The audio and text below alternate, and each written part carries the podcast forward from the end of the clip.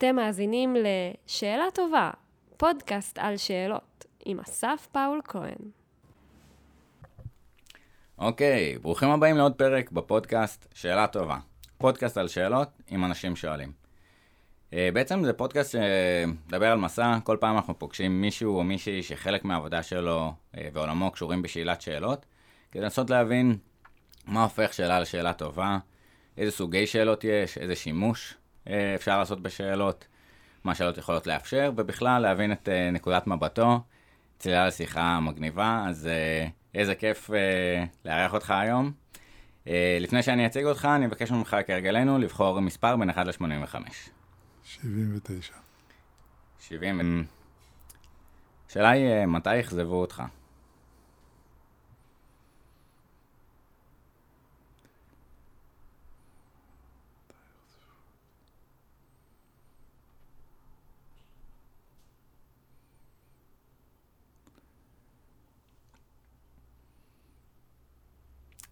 אני חושב שחלק מהמטפלים שעבדתי איתם בניסיון שלי להחלים, אכזבו אותי שהם יצרו אצלי ציפיות גבוהות.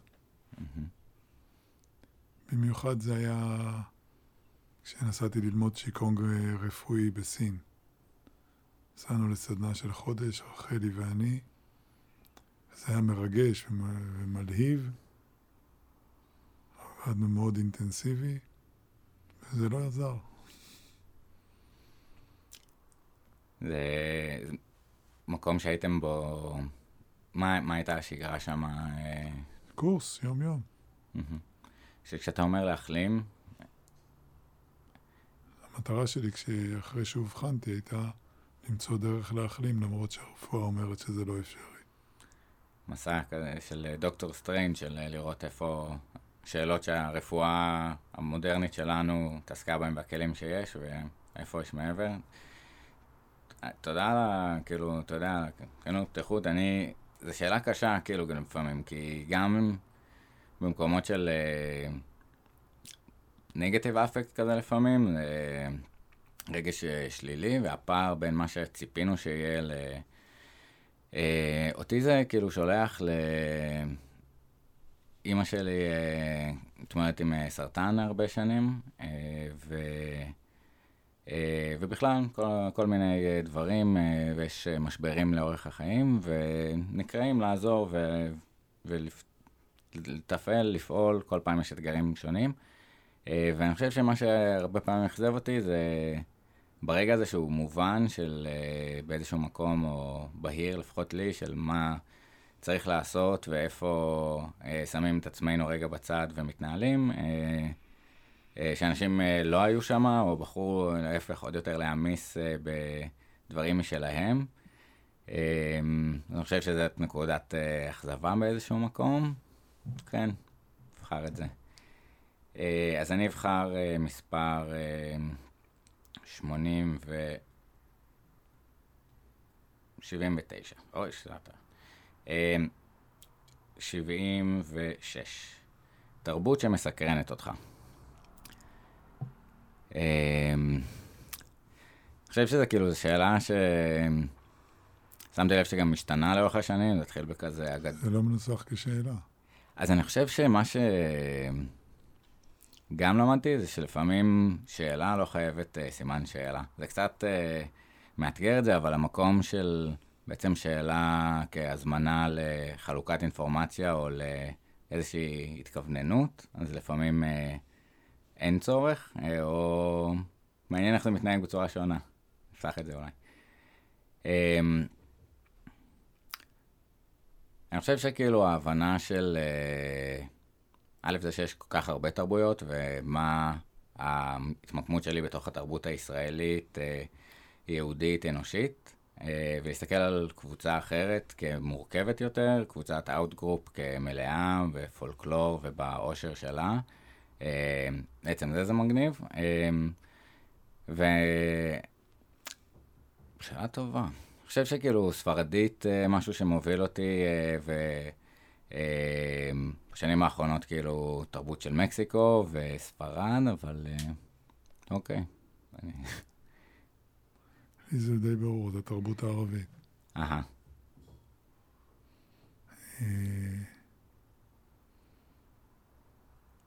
התרבות הכי רלוונטית שצריכה לסקרן את כולנו.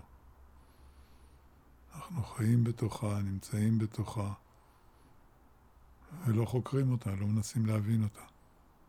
אז זה יוצר אי הבנות מאוד גדולות. אחד הדברים שלמדתי בעבודה שלי, כשאני מדי פעם נקרא לעבוד עם אנשים שנמצאים בקונפליקט בתוך ארגון או בין יחידות, שהם הרבה מאוד מהקונפליקטים מתחילים באי הבנה. Mm-hmm. ואי הבנה על רקע זה שאני אמרתי לך משהו, ואתה פירשת אותו אה, על פי התרבות שלך. ומאותו רגע זה ישראלים ששלחו אימייל עם אה, אותיות אה, בולד Mm-hmm. וסימני קריאה בצבע אדום למה אתה צועק עליי? באנגליה, ה- ההבנה הזאת היא של אה, גם להסתכל על עצמי רגע בתוך המקום הזה של איפה הסט מסע שלי הוביל אותי לפרש את המציאות בצורה מסוימת תחת סט ההנחות שלי, ושזה לא מובן מאליו שהאחר אה, תופס את העולם בדיוק באותה צורה, והמקום הזה באמת של אולי שאלות ככלי שמאפשר משהו חיצוני ששנינו יכולים להתבונן עליו ואולי לעשות עוד שאלות המשך כדי לוודא באמת את ההבנה הזאת ההדדית. אני חושב שזה זה מרתק ההצצה שיש עכשיו לבאמת תרבויות אחרות דרך הכלי של ה-85 שאלות שיש באינסטגרם עכשיו בשפות שונות, שאתה רואה באמת פתאום משתמשים אה, בעזה או במרוקו, אה, אה, בעיראק, בלבנון, ואתה רואה באמת את הבן אדם שמאחורי זה, זה הצצה שוב דיגיטלית מעוותת, אבל הצצה לבן אדם, או באיטליה, או במקסיקו, וה... ה- המקום הזה של להבין בסוף שזה התנהגויות תרבותיות שונות של בני אדם באזורים שונים, ולנסות להבין את הסיטואציה הזאת. מגניב. אני, אה, טוב, התפרסנו ב-85 שאלות, אני אציג אותך עכשיו. אז אה, אני ממש באמת נרגש לשיחה הזאת, כי זה הצצה לעולם שאותי הוא מאוד מאוד מעניין. אה, איתנו היום שמואל מרחב, במקור אמן, משורר, צלם ומורה לצילום, וב-1982, שפעם זה לא היה נשמע מזמן, אבל זה מאוד... אה, הוא עבר סדנה שעוד נדבר עליה, שפתחה אותו לעולם של אה, פיתוח אנשים. הוא לימד והנחה במרכז הישראלי לפריצת דרך, אה, והיה מנכ"ל הארגון, פעל בחברת קואוצ'ינג, שהייתה הראשונות בעצם בישראל לפעול בעולם של פיתוח ארגוני ואנשים. ולפני 27 שנה הק- הקים את מרחב אפשרויות, חברת ייעוץ שמתמחה בליווי והנחיה של מהלכים אסטרטגיים ושל מנכ"לים והנהלות, טירוף. מפרסם בדה מרקר כבר 15 שנה, ונשוי אה, לרחלי, אה, מגיל 16, שלושה ילדים, אה, שני נכדים. אה, שלושה. שלושה, אהלק, צריך לעדכן. מזל טוב. אה, ועובדת עם בתחם במרחב אפשרויות. נכון מאוד, הכל נכון, לא, לא הכל נכון. איי איי. היו שני דברים לא מדויקים. לא, קואוצ'ינג לא הייתה ראשונות הפיתוח הארגוני, הייתה חברת האימון מהמם. העסקי והארגוני הראשונה בארץ, ואחת הראשונות בעולם. אה, זהו, כל היתר לא חשוב. אתה יודע, יש איזה מקום אה, די מטורף, אנחנו נדבר עוד אולי קצת על התהליכים שהובלת עם אה, חברות ו- ומנכ"לים והתמודדויות עם אתגרים אה, באמת מורכבים, פוזיציות די מטורפות, אבל אני רוצה שבאמת נחזור קצת אולי אחורה. אה, מה האירועים המרכזיים שאתה חושב שאולי השפיעו על הדרך בין אמן למורה לצילום, ללעסוק אה, במה שאתה עוסק בו היום? הדרך שלי מתחילה בחיידר. מהמם. הייתי ילד דתי, אה, סמי חרדי בבאר שבע. למדתי בחדר, הייתי בשכונה חילונית, הייתי במתח הזה של להכיר את שני העולמות ואת שני הצדדים. ברחתי מהחדר כשהרבה רצה להכות אותי, ולא הסכמתי לחזור, והלכתי ובהדרגה התפקרתי. הלכתי לבני עקיבא, הלכתי לישיבת תיכונית, עברתי לקיבוץ דתי, הייתי בישיבות בקריית ארבע ושעלבים, קראתי את הספר של איין ראנד בגיל 16, הבנתי שיש תשתית אה, אפשרית לחשיבה חילונית, ועברתי להיות אה, דתי לשעבר. אה, הדת החדשה שמצאתי הייתה אומנות. כך אמר לי מישהו. כתבתי שירה, הוצאתי ספר שירים בתור עבודת בגרות בגיל שמונה, בכיתה י"ב, והדבר, והייתי מתמטיקאי טוב. עמדתי ללמוד מתמטיקה בטכניון, והגעתי לשם אחרי טיול של שנה, ישר לתחילת שנת הלימודים, ראיתי את האנשים עם תיקי ג'יימס בונד, אמרתי, זה לא בשבילי, הלכתי, לקחתי אוטובוס לויצו, למכללת ויצו בחיפה, באתי עם תיק עבודות, אמרתי להם, אני יודע ששנת הלימודים נסתיימה, תראו את העבודות שלי, תראו, בטח מישהו ביטל. והתקבלתי אחרי יומיים, וצילום היה עולמי במשך כמה שנים. ב-82, עוד בזמן שהייתי סטודנט, אה, שמעתי על האסט, מה שנקרא בזמנו אסט, היום זה הפורום של לנדמרק. תרחיב קצת מה זה אומר החוויה הזאת שמה. זה סדנה של שני סופי שבוע, שבה אתה בוחן את כל הנחות היסוד של חייך, עם אה, מנחה מאוד מאוד אה, מנוסה ואפקטיבי. ובשבילי הייתה טרנספורמציה מאוד גדולה בכל היבט של חיי, בעיקר בהיבט של לקבל את עצמי כמו שאני. והתחלתי להתמחות במתודולוגיה הזאת, ללמוד, אה, להנחות במסגרתה סמינרים וסדנאות. בשלב מסוים ביקשו ממני לנהל את המקום. כל הניסיון שלי היה סטודיו לא מי יודע מה מוצלח לצילום, אבל לקחתי על עצמי לנהל את זה, ומשם התגלגלתי ליישומים עסקיים וארגונים של המתודולוגיה, שאותם עשיתי ביחד עם שותף בשם טל רונן, שהקמנו את קואוצ'ינג. שהוא הקים ואני הייתי שותף, עוזר, מסייע ולומד. ב-97, אחרי שתשע שנים עבדנו ביחד, פרשתי והקמתי את מרחב אפשרויות, כי לא רציתי יותר להיות צמוד למתודולוגיות הספציפיות, אלא לפתח את מה שיש לי לומר. ואחד הדברים שהבנתי שיש לי לומר זה הדרך הייחודית שאני עובד עם שאלות. ב-89, בזמן שהשנה השנייה שלי ב-coaching, כתבתי על הלוח במשרד שלי שאלה שנראתה לי כמו שאלה יסודית. היא הייתה מסורבלת יותר ממה שאני חושב שאפשר לשאול אותה כרגע, והשאלה הייתה איזו שאלה אפשר לשאול שתשובות עליה יפתחו פתחים לפעולה שתעשה הבדל בעניין. הוורסיה הקצרה יותר שהגעתי אליה בחודשים האחרונים זה איזו שאלה אפשר לשאול שתעשה הבדל בעניין. זה בעצם הסיפור.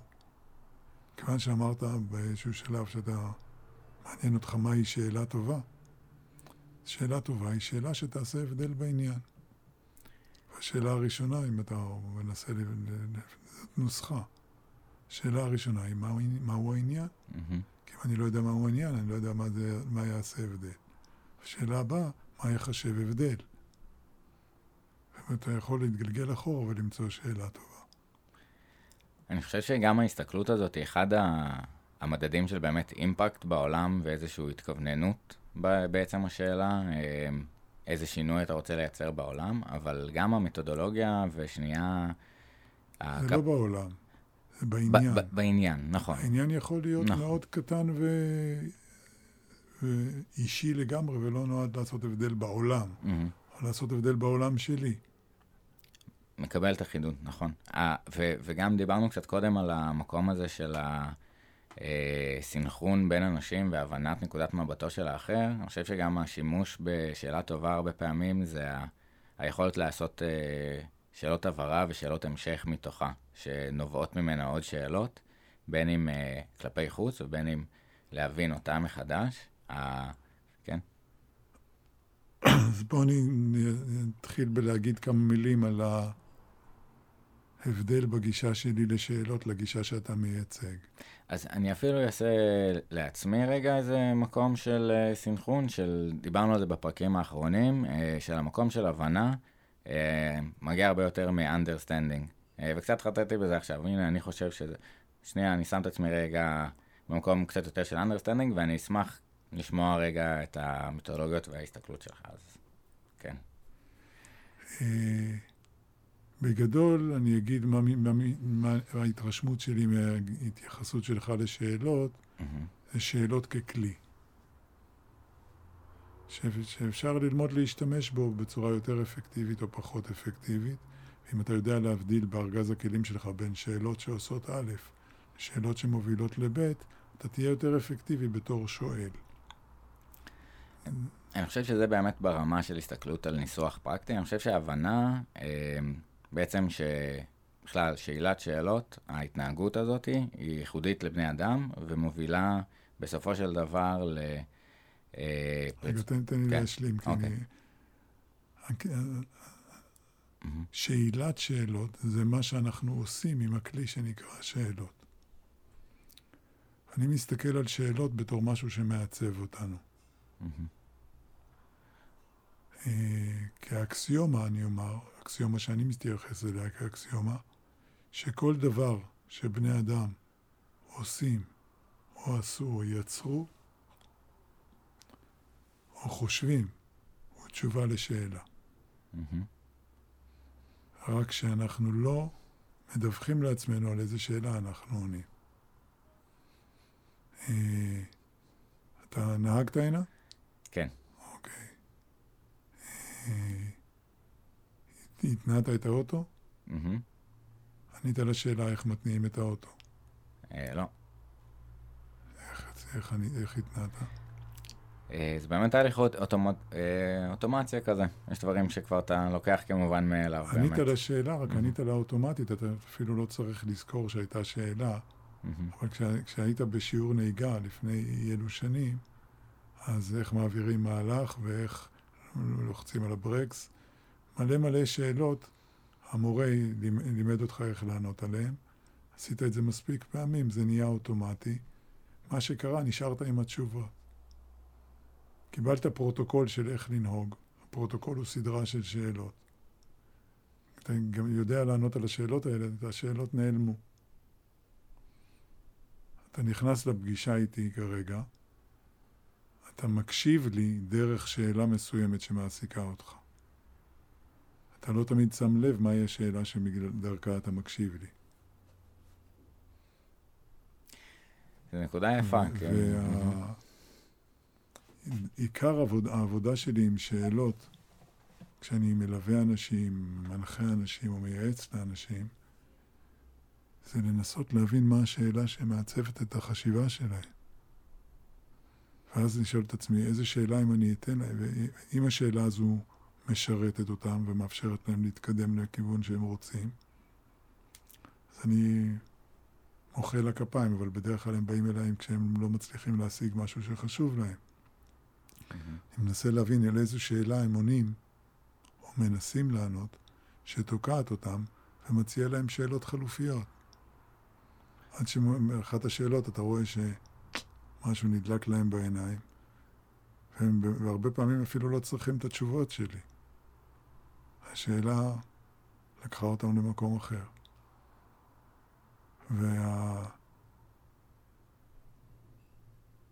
והשאלה, מהי השאלה שאני עונה עליה ברגע זה, היא שאלה שהייתי רוצה שאנשים יתחילו להתעניין בה. למה הכוונה? מה השאלה שאני מתעסק בה ביום? שאני מנסה לענות עליה או עונה עליה ברגע זה. אה, אני עונה כרגע לשאלה, mm-hmm. מה הדרך הנוחה ביותר בשבילי לשבת. בחרתי לשבת עם רגליים מסוגלות על הכורסה, בדקתי כל מיני דרכים, חיפשתי את הדרך הנוחה ביותר לשבת ועניתי עליה. Mm-hmm. אתה רואה מישהו שיושב ככה.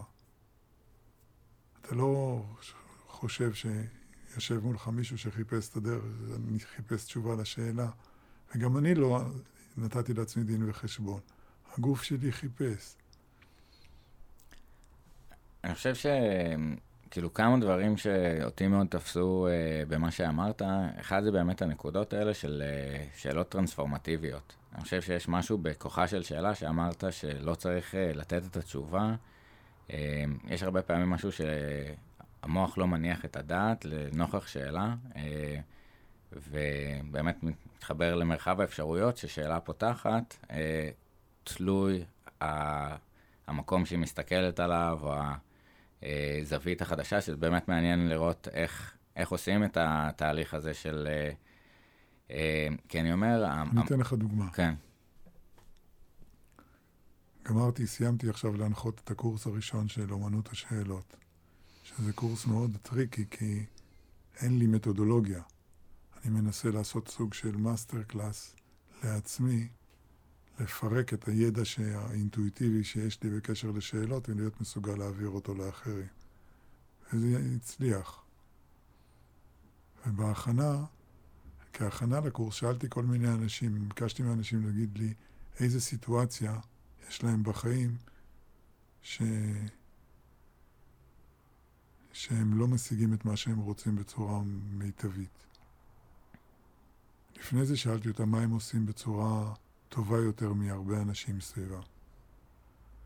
ואחת הנשאלות, הבת שלי, אמרה שהיא חושבת שהיא אימא טובה, שהיא עושה עבודה טובה יחסית להרבה אחרות בתור אימא. לא יודע אם להרבה אחרות, היא עושה עבודה טובה. שאלתי אותה, איזו שאלה מנחה אותך כשאת, כשאת במיטבך בתור אימא? והיא אמרה משהו או מה, מה ישרת אותם עכשיו, מה הם צריכים עכשיו. הסתכלתי, אמרתי, יופי. האם יש מצבים שבהם את שוכחת לשאול את השאלה הזאת כשאת לא במיטבך? היא אמרה, כן. איזו שאלה את אה, מנסה לענות כשאת לא במיטבך? פחות או יותר זה היה, מה אפשר לעשות כדי שהרעש הזה ייפסק מיד? ואמרתי לה, מה היה קורה אם היית שואלת את השאלה שבמיטבך? אם היית שמה לב שאני לא במיטבי, אני מנסה להפסיק את הרעש, מה השאלה? והיא אמרה, עשיתי את זה כמה פעמים, וזה היה מדהים. הייתי צריכה להיזכר, הייתי באמצע, מנסה להפסיק את הרעש, ואמרתי לעצמי, מה השאלה שאני שואלת את עצמי כשאני במיטבי? מה הם צריכים עכשיו? רגע, בוא נראה מה הם צריכים עכשיו. ברגע ששאלתי מה הם צריכים עכשיו, כל המציאות השתנתה. והרעש נפסק הרבה יותר מהר, כי היא נענתה למה שהם צריכים עכשיו, והיא עמדרה לשאלה אחרת. אז כשאני מצליח להחליף את השאלה, אתה יכול להגיד לאנשים שאני שם את היד בחלק האחורי של הראש כדי... זה כאילו שאלה שנמצאת בחלק האחורי של הראש ומפעילה אותי. וכל הזמן שאלות מפעילות אותנו. וזה גם לא שאלה אחת, זה לפעמים סט של שאלות שמפעיל אותנו, ואנחנו לא שמים לב. זה, זה, זה מטורף, כאילו, אני חושב שהייתה לי באיזשהו שלב ההבנה של הכוח של שאלות, של uh, המצאות או דברים בוויקיפדיה שכתוב כידע, uh, יש בבסיס שלהם uh, שאלות. Uh, וזה סוג של ארכיאולוגיה להבין מה הייתה השאלה שהניעה את הידע הזה או את ההמצאה הזאת, אבל ה... אה, נקודת מבט הזאת של אה, לקחת צעד אחורה אה, ולהסתכל על השאלות כמה שמפעיל את ההתנהגות שלנו ביום-יום, זה מטורף, וגם הרמות שאפשר להסתכל על זה, זאת אומרת, בין אם ברמת איך שאני יושב, לבין המטרות היותר גדולות שאתה מנסה להשיג ומפעילות אותך לעבר המטרה הזאת, והיכולת, תמיד יש את ה... משהו שלקחתי מהצבא, המקום שהיה לנו של דיונים בין הצוות, תחת uh, פלורסנטים, שכולם על א', uh, התקלחו, שבועות קשים מבאסים ממקומות אחרים, אבל איך uh, ראוי להתנהג במצבים בעייתיים אתית. והמקום הזה של להחליט, או לקחת את הצעד אחורה, שיש לך את המקום, לא, לא כשלהכות בברזל בעודו חם, אלא עוד לפני שהוא התחמם, פריקרסר של איך אתה רוצה להתנהג. זה כלי מאוד חזק, וההסתכלות הזאת של לבחון את השאלות שמובילות אותנו, אמ, אני ממש לקחתי. זה, אתה יכול לשתף אה, אולי ב... אה, מתי, אה, שאלת אותי כאילו שאלה מעולה, מתי התחלת להתעניין בשאלות? ו... אה, אז באמת המסע הזה שהוא מתחיל להיות כבר יותר ויותר מסע משותף של, של הרבה אנשים שמתעניינים ומסתכלים על איך הם יכולים להיות שואלים יותר טובים ביום-יום, מנקודת מבט של כל מיני אנשים. Uh, וזה מאוד חדש ו- וטרי ו- ונבנה, ומעניין אותי באמת לשאול על מתי זה התחיל uh, אצלך, ההבנה הזאת של שאלות כדבר uh, שהוא מעניין להסתכל עליו אני חושב ששמעתי פעם את ורנר ארהרד, שזה האיש שהמציא את ה-S ואת הפורום, mm-hmm. בסדנה, אומר ששאלה תשובה תביא, שאלה טיפשית תביא לך תשובה טיפשית. הסתכלתי ואמרתי, האם בהכרח, אמנם, השתכנעתי, זה משפט די מפורסם, זה לא משפט שלו, אבל זו פעם ראשונה ששמעתי אותו. וזה איש שייחסתי לו ערך רב. והבנתי ש... שזה נכון. ושאם אני רוצה תשובות חכמות, כדאי שאני אשאל שאלות חכמות, וכדאי שאני אדע איך למצוא את השאלות החכמות. הפעם הבאה הייתה כשכתבתי את המשפט הזה על הלוח בחדר שלי במשרד, והשארתי את השאלה הזאת כתובה על הלוח שלי שנתיים. והשאלה כיוון שהיא הייתה לי מול העיניים, היא כאילו הוטמעה בתוך התודעה שלי. Mm-hmm. אחד הדברים שהבנתי, אחרי שנה כבר התחיל לדגדג אצלי, התחיל לדגדג אצלי הרצון לכתוב ספר. אומנות העבודה עם שאלות קראתי לו. ולא כתבתי, עד היום. אה, אבל ידעתי שזה משהו חשוב. בעל, בעל ערך, שכדאי שאנחנו נכיר אותו יותר לעומק. חושב שלא הייתי מוכן לכתוב. בכל אופן, אה, זה פתח את ההתעניינות שלי. ושאלות, כשעזבתי את קואוצ'ינג והקמתי את מרחב אפשרויות, זה הפך להיות המתודה שלי. אז אני, אני חושב שגם, אתה יודע, במקום של ה... לכתוב ספר, אני לא יודע מאיפה ה, ה, בסוף המעצורים, אבל זה מה שלי עזר להוריד את המחסום גם היומרה כזה של להוציא משהו החוצה, שזה באמת שיחה בין אנשים, אה, ושלאפשר אה, את הידע של אנשים שהתעסקו בשאלות, אה, להנגיש למי ש, שמעניין אותו. אז מפגש באמת מיוחד ומגניב, אז תודה שוב על, ה, על האפשרות. תודה לך, תודה שאתה מתעניין בזה. לא, זה, תשמע, זה, זה מעיף, כאילו, זה, זה מעיף את הסכך, והמקומות של uh, התובנה של באמת כלי שאנחנו, שאלה טיפשית תוצ...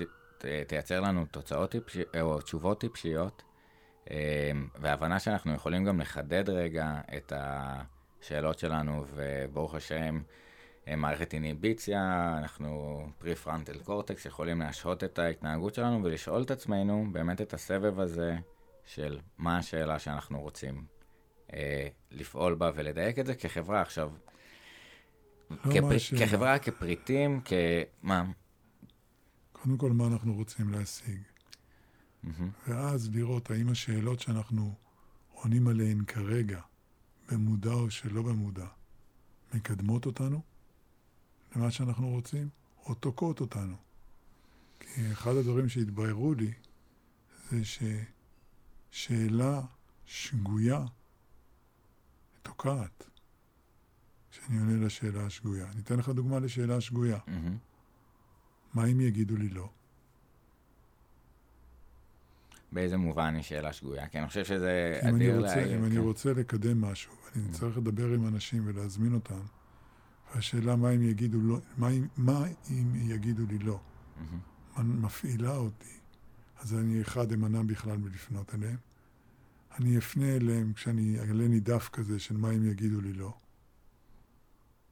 שאלה, שאלה שלא שולחת אותי להשיג הישגים גבוהים. כן, שואבת אנרגיה גם, זאת אומרת, אה, מעסיקה את המוח ואת הסט אה, מחשבה שלנו. כל השאלות מעסיקות את המוח. נכון, השאלה במה, בדיוק, אז אז דיברת קודם על המסע הזה של אה, לדייק את השאלות החשובות, החכמות. אני חושב ש... לא לדייק. למצוא, אמרת. או למצוא, זה שונה. מלדייק. לדייק זה אחר כך. אה, זה הרבה מדי, הרבה מדי, המילה לדייק הפכה להיות buzzword אה, שימושי בשפה של הרבה, הרבה אנשים. בשנים האחרונות. והיא מילה טובה, היא לא מילה רעה.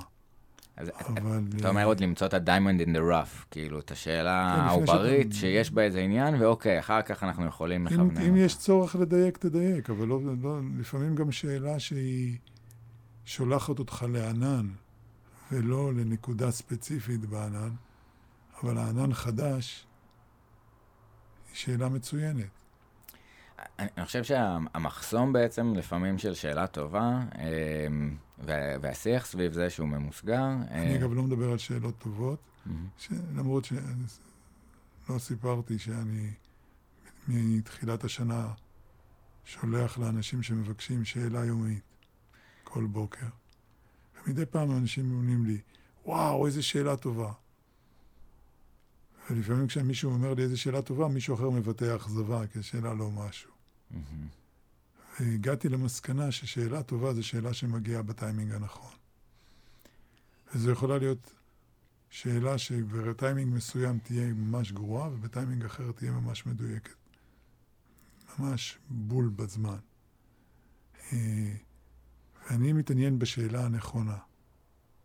שאלה הנכונה זו השאלה, זה קצת כמו מפתח במנעול. מהמם. יש לך צרור מפתחות ואתה אתה מול הדלת ואתה לא זוכר איזה מפתח מתאים, אתה בודק את כולן, עד שאתה מוצא אחת, שפ- את המפתח שפתח את הדלת. זאת השאלה הנכונה. ואז התהליך מטה זה איזה דלת אני רוצה לפתוח ולמה, מה אני רוצה להשיג בדלת, שזה גם שאלה, אמ, אתה יודע, ברמת ה... באמת שיחת מטה. אני, אני, אני חושב שמה שרציתי להגיד על ה... שאלת שאלה מעולה, סליחה שאני מתפרץ. איזו דלת אני רוצה לפתוח? אנשים עונים. למה אני רוצה לפתוח אותה? ברוב המקרים אנחנו לא עונים. מה זאת אומרת למה? אז אין לי זמן לזה עכשיו, אני זוכר למה, אני תמיד מגיע לדלת. אז למה אתה רוצה לפתוח אותה? אני רוצה לרוץ מרתון. למה? שאלה מצוינת. זה באמת ה- גם להוריד את זה מהמימד ההתנהגותי שהוא קל לנו, או הישגי של לסמן איזה צ'קליסט ולרוץ בין אה, השאלות לענות עליהן והוויים לעשות, לשאלות מהות קצת של, אה, של עמדות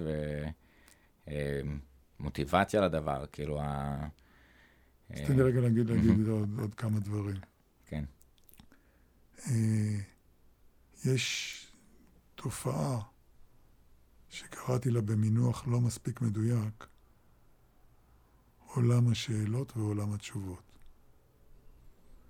זה לא עולם, זה יותר מצב צבירה, של אני עכשיו במצב צבירה של שאלות, ומצב צבירה של תשובות. רוב הזמן, רובנו נמצאים במצב הצבירה של תשובות. אני רוצה לדעת איך לצאת מהחדר, אני מחפש את הדלת, אני לא מחפש את השאלה. אני שואל שאלה כדי למצוא לה תשובה. מצאתי את התשובה? תודה רבה, השאלה, עשית את עבודתך, לכי לפח. השאלות הן כלי, הן אמצעי להשגת תשובות. ובעולם התשובות, מה שמניע אותנו זה רצון עז להעלים את השאלות. כי אם אני נשאר עם שאלה פתוחה לאורך זמן שאין לי תשובה עליה, אני מתחיל להתגרד, אני רוצה תשובה, אני רוצה תשובה. אני לא באתי לפה להתפלסף ולחפש שאלות ולהתפלסף עליהן ברמת מטה וכזאת או אחרת. אני רוצה תשובה. שאלות, במילים אחרות, מאיימות עלינו בעולם התשובות. אם הן עושות את עבודתן ונותנות לנו תשובות שאנחנו רוצים, אנחנו מבסוטים. אם לא, הן מתחילות לעצבן. אני מניח שיש אנשים שיקשיבו לפודקאסט הזה ואחרי שלוש דקות ילכו, מה, מה, מה הם חופרים ומתפלספים, לאן הם הולכים. אז אני מקווה שזה ככה גם באמת אנשים גם ש... אני רוצה לדבר על עולם השאלות. כן. עולם השאלות זה עולם שבו אני מתעניין בשאלות ואני מחפש שאלות טובות, ואני מחפש שאלות נכונות, ואני מסתכל איך לעבוד עם שאלה. אני מתעניין בעולם של השאלות. אני יכול לקחת שם שאלה אחת ולעבוד איתה 30 או 40 שנה. יש אומנים שזה מה שהם עושים.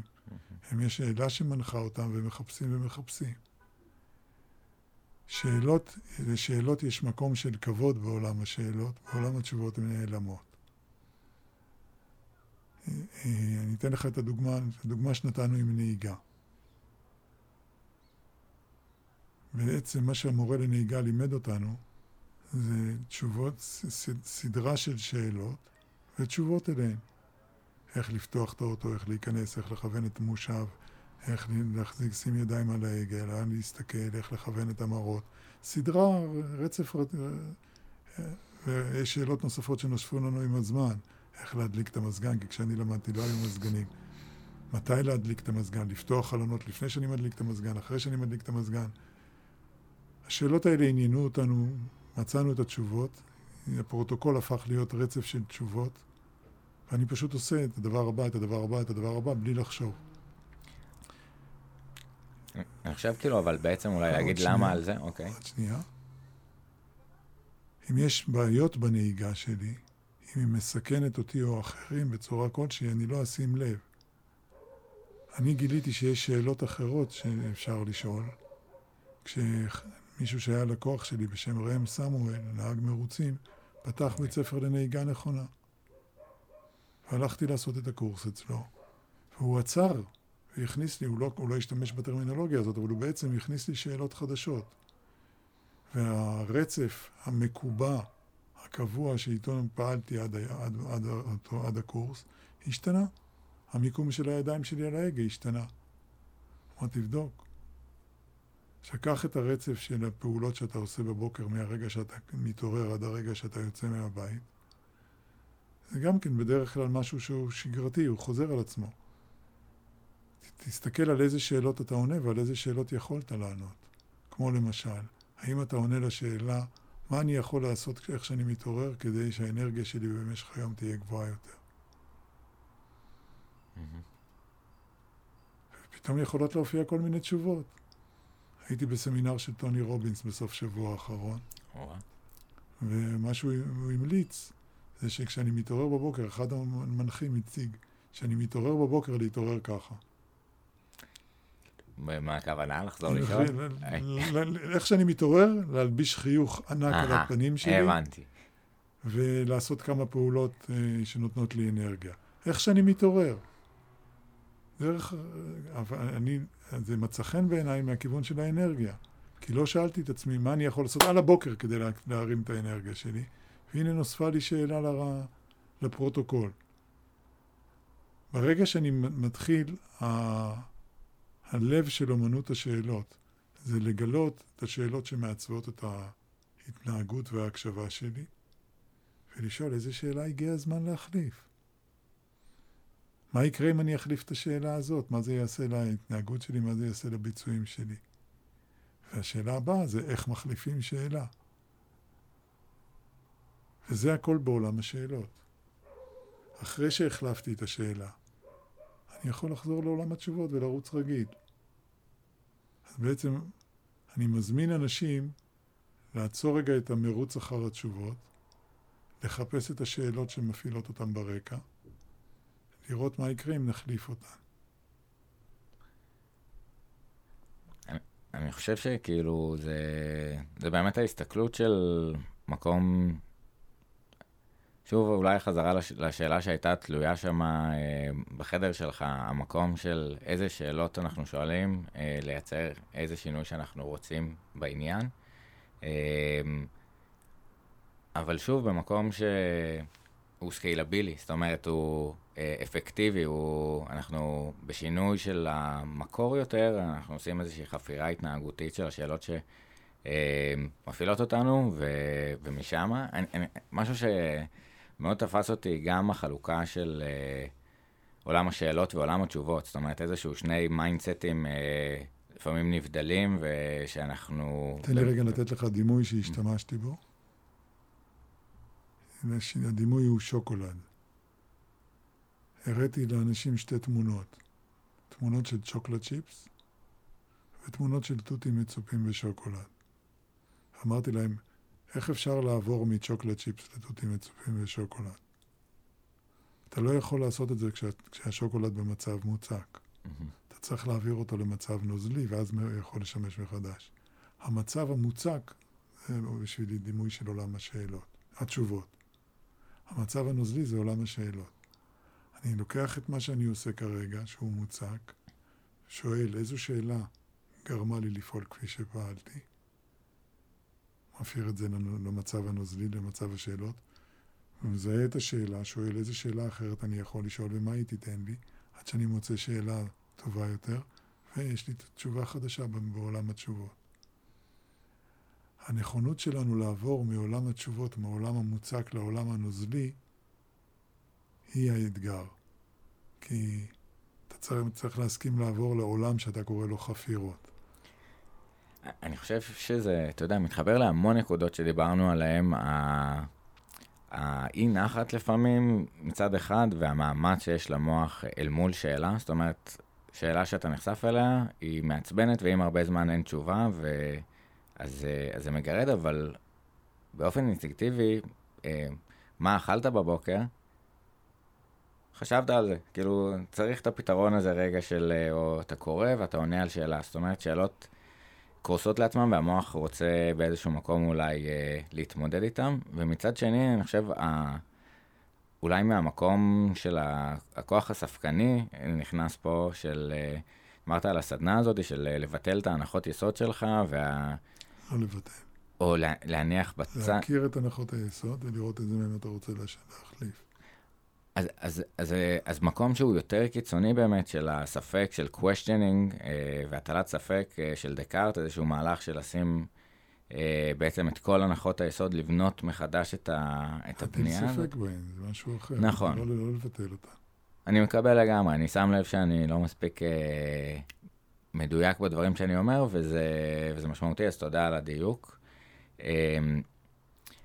אה, היכולת שלנו להבין את המנגנון המוחי הזה של אה, נטייה לענות על שאלות, או חוסר נחת אל מול שאלות, של, רק רגע, של אם אנחנו יכולים להשפיע ולשלוט על איזה שאלות אנחנו מתעסקים בהן ביום-יום, זה שינוי מהותי, אה, ו... זה לא רק איזה שאלות אנחנו מתעסקים בהן, mm-hmm. איזה שאלות מניעות אותנו.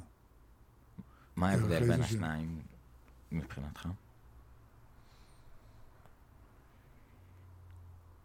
ניקח את זה רגע לשיח הפוליטי. מעניין. נניח שאני פוגש מישהו שחושב הפוך ממני. אנחנו מתחילים שיחה. ברוב המקרים, אני מקשיב דרך השאלה איך אני אראה לו שהוא טועה.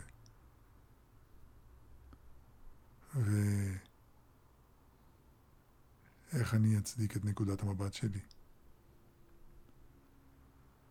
כשאני מקשיב דרך איך אני אראה לו שהוא טועה, אני שומע את הדברים שלו ואוסף הוכחות לכך שהוא טועה. Mm-hmm. אם אני אגיד, רגע, השאלה הזאת לא, גורם, לא עוזרת לי להבין אותו, לא עוזרת לו להבין אותי ורק מרחיקה בינינו. איזה שאלה, אם אני אענה עליה, אקשיב דרכה, אחפש לה תשובות כשהוא מדבר, תעשה משהו אחר, תקרב בינינו ותאפשר לי להבין אותו. אז אני שואל, יכול לשאול את השאלה, מה הוא רואה שאני לא רואה? אני ראיינתי ככה עשרה אנשים בחודש האחרון, בשיחות אישיות, והייתי עמום. כי גיליתי שמה שהם רואים שאני לא רואה, יכול להיות נכון. Mm-hmm.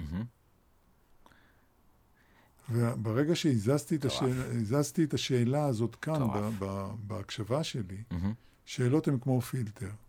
כיוון שאני צלם במקור, אחד התרגילים שהשתמשתי בהם כדי להדגים לאנשים איך אנחנו רואים אחרת את המציאות, זה לקחתי פילטרים. ניירות אה, צלופן כאלה בצבעים אדום וירוק, עשיתי מהם משקפיים ונתתי לאנשים לשתי קבוצות, קבוצה אחת עם ירוק וקבוצה אחת עם אדום. והראיתי להם חפצים בצבעים שונים, הראיתי להם חפץ אדום, אז שאלתי אותם באיזה צבע זה, אלה עם הפילטר הירוק אמרו שחור, ואלה עם הפילטר אדום אמרו לבן. הם אמרו, כן, מעניין, ברור. אז אמרתי להם, אוקיי, סידרתי כוסות, שמתי ערימה של כוסות אה, פלסטיק על, המש... על הרצפה, אמרתי להם להתכנס סביב הכוסות, אמרתי להם, תכף יהיה שקף על המסך עם הוראות הפעלה, אתם צריכים לעשות בדיוק, לפעול בדיוק לפי ההוראות, בלי לדבר. ועל המסך הופיע, תבנו את המגדל הגדול ביותר שאתם יכולים מהכוסות, ותבנו את המעגל, את המעגל הגדול ביותר שאתם יכולים. המילה מגדל הופיעה באותיות ירוקות, והמילה מעגל באותיות אדומות. ואלה עם הפילטר הירוק ראו מגדל, ואלה עם הפילטר האדום ראו מעגל. הם כמעט הלכו מכות. כי אלה בונים, ואלה מפרקים להם ועושים מעגל, ואלה בונים מגדל, ואלה מעגל, ואלה בונים מגדל. ובאמת, לפעמים הם ממש כמעט הלכו. מה אתה עושה? אז אמרתי, אוקיי, תדברו, והם דיברו. אמרו, מישהו פתאום אמר, תגיד, מה, מה, מה, מה ההוראות שאתם קיבלתם? אמרנו, לבנות מעגל. מה מעגל? כתוב מגדל. תורידו את הפילטרים, הסתכלו וראו, היו... הפילטר הוא השאלה שאנחנו מקשיבים דרכה. כשאני מקשיב דרך איזה הוכחות יש לי שאתה טועה, לבין מה אתה רואה שאני לא רואה, אני מקבל דברים אחרים לגמרי. אני חושב שיש פה כוח מטורף אה, למה שאמרת, הן במקום של השיח, אה, השיחות עם העשרה אנשים, אה, תספר אולי קצת על הפרויקט, אבל אנחנו זמני קורונה, חברה די מפולגת, מחאות ברחוב, אנשים זועמים, וכן ביבי, לא ביבי, זה השאלה שבעצם מעסיקה אותנו הרבה שנים. איזה באסה, אפרופו ההתנהגויות של העם היושב בציון על נוכח השאלה הזאת. ובמפגשים האלה... איזה שאלה? כאילו נורא היום מעצבן שזאת השאלה, אה, כן ביבי, לא ביבי. ואני חושב שהרידוד שיח הזה, אה, שמאל חלש, ימין חזק, או, הוא, הוא באמת החזרה של השאלה של מה אנחנו רוצים להשיג, וגם בפרק עם ציפי לבני של השאלה הזאת של איך נראית תמונת ניצחון, או מה אנחנו רוצים להשיג ככלי להתכווננות, שיהיה לנו לפחות את היעד, אמ, אז אני חושב שזה מייצר פשוט מחסומים בין קבוצות של אנשים, על בסיס שאלה אולי שהיא לא נכונה, וההזדמנות והפרויקט הזה שאתה מציע, אה, שתספר עליו, נשמח קצת יותר. אה, כאיזשהו גשר, אה, ועם השימוש בשאלות שדיברנו עליו, הן ככלי, אבל הן באיזה mindset אתה בא, אם אתה בא ללמוד, אם אתה בא להוכיח את הבן אדם השני, מה המטרה שלך בשיחה הזאת. אה, אז זה כלי מטורף. תספר קצת על החוויות של, מתוך הראיונות של העשרה אנשים והפרויקט הזה. אני יכול, אבל אני חושב שזה יסיט אותנו מההתמקדות בשאלות. אני, אני חושב שזה בסדר. Uh, אני חושב שזה מעניין גם לראות את הנוכחות של שאלות ב... אפשר גם לתת... פרקטיקה, אה, בסדר, אני לתת קצת דוגמאות, כאילו, בין אם בפרקטיקה, שוב, אה, ברמה הארצית פה. רק תן לי להבהיר עוד דבר אחד לגבי. קלים, אחלה. Uh, לא מספיק למצוא את השאלה הנכונה. חשוב לעבוד איתה נכון. יש דרכים שונות לעבוד עם שאלה. דרך אחת לעבוד עם שאלה זה לחפש את התשובה הנכונה. אם יש תשובה נכונה. דרך אחת היא לחפש את כל התשובות האפשריות. דרך אחרת היא לחפש מתוך כל התשובות האפשריות את התשובה שהיא תהיה הכי, הכי, הכי טובה בהתאם לכמה קריטריונים. שזה יחייב אותי לזהות מהם הקריטריונים ולהשוות. אז יש שאלות שכדי לענות עליהן אני צריך טבלת אקסל מורכבת כדי לבחור מה, מה השיטה הטובה ביותר לעצור את הקורונה, זו שאלה מאוד מורכבת. Mm-hmm. ואתה צריך לדעת על איזה שאלות משנה כדאי לענות, ואיזה שאלות יותר חשובות ופחות חשובות.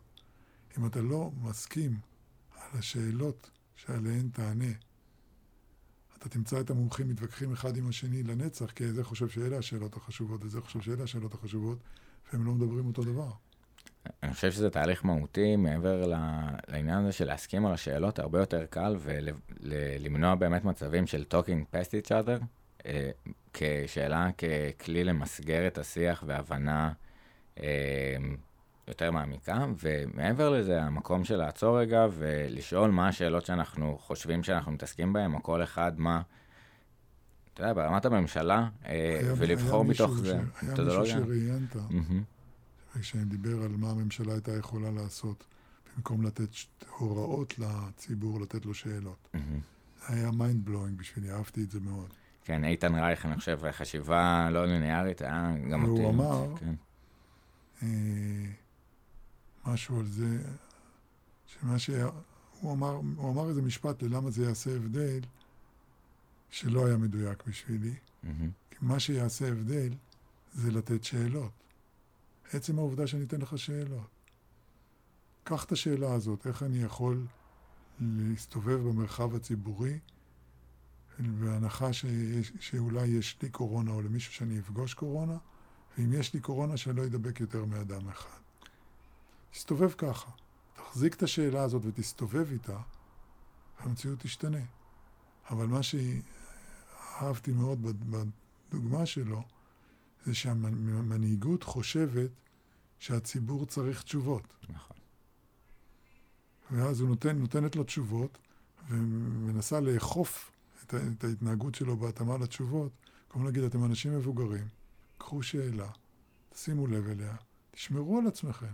המומחים אומרים שאם תשמרו על מרחק של שני מטר ותהיו עם מסכה, זה מצוין. אתם צריכים להיות עם מסכה כל הזמן? תפעילו שיקול דעת. אני חושב שזה באמת טרלל את ה... גם התשובות והחוקים והתקנות, הסכנה והנזק ש... שנוצר מבאמת ה... אבל זה מתחיל מהנחת היסוד בחשיבה של המנהיגות, שהציבור צריך תשובות. ו- ו- והם לא טועים, הציבור רוצה תשובות. יש בהחלט מצב שאם אם ביבי היה אומר, אני נותן לכם שתי שאלות, תסתדרו, היו, היו, היו, היו כועסים עליו. כי התרבות היא תרבות, אנחנו חיים בעולם התשובות. אבל האמת היא שאם אפשר היה לעבוד עם השאלות בצורה אפקטיבית, זה היה, זה היה יכול להיות מעניין מאוד. אני גם חושב שבאיזשהו מקום יש אה, מומנטום של... אה, ש... אה, קח את קנדי. אוקיי. המשפט המפורסם ביותר של קנדי אמר. תחליפו את השאלה. אל תשאל. מה המדינה יכולה לעשות בשבילך, תשאל מה אתה יכול לעשות בשביל המדינה. הוא בסך הכל נתן לכל הציבור, תחליפו שאלה.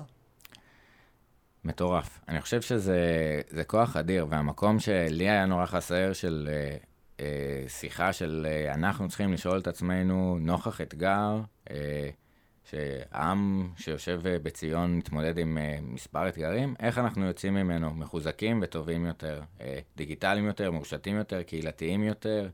אה, מה אנחנו עושים גם בצורה הפוזיטיבית ולתת תקווה וחזון לאנשים, אל מול שאלות של האם פותחים פלאפל או לא פותחים פלאפל, זה באמת מעצבן ברמת החזון, כיוון והסתנכרנות של אה, כל המפקד ובכלל תפקוד שם.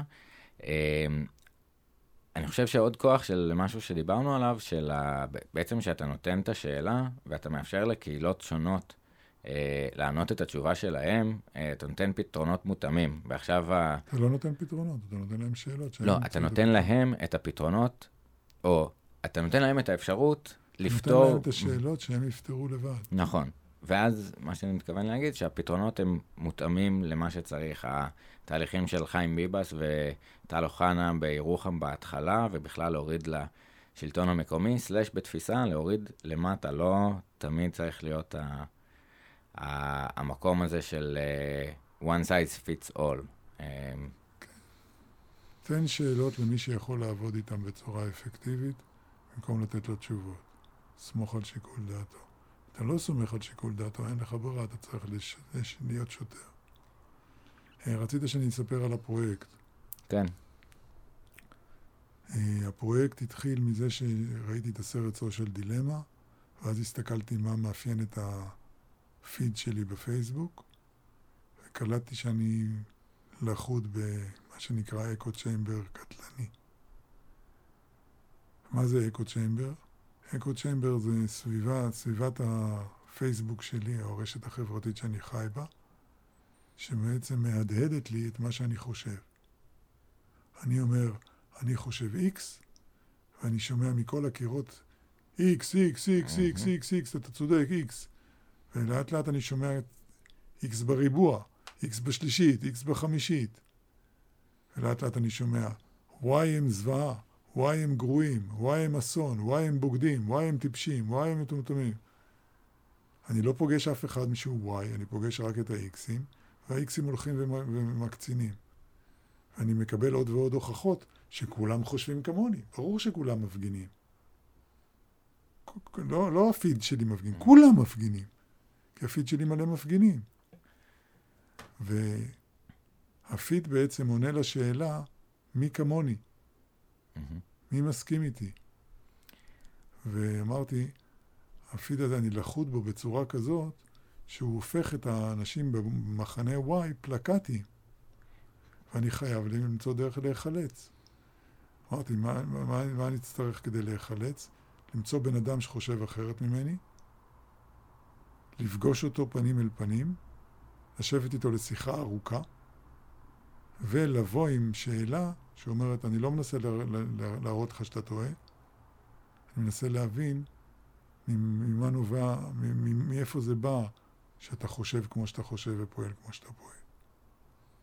ועשיתי שיחות כאלה, והשיחות היו מהממות.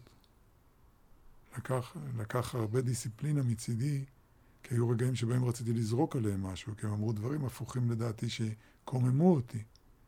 אבל אמרתי, אתה רוצה להבין אותם? אז שאלתי אותם, הסברתי להם למה זה מקומם אותי, ואמרתי להם, אני מנסה להבין מאיפה זה בא. והגענו לשורשים עמוקים, שאת כולם ידעתי, mm-hmm. אבל התייחסתי אליהם כאל אה, דף מסרים. לא חשבתי שיש אנשים שבאמת מאמינים בזה. ולא רק שהם מאמינים בזה, יש להם הסברים מאוד טובים ללמה זה נכון. שתבין, אני הלכתי להפגנות מתוך חשש גדול לעתיד הדמוקרטיה. והם אמרו לי, אתה דמוקרט דגול? אתה חושב שאתה דמוקרט? אתה יודע איך מערכת המשפט בנויה ואיך היא פוגעת בדמוקרטיה? אתה יודע איך פועל כל המערכות של הייעוץ המשפטי ואיך הן פוגעות בדמוקרטיה?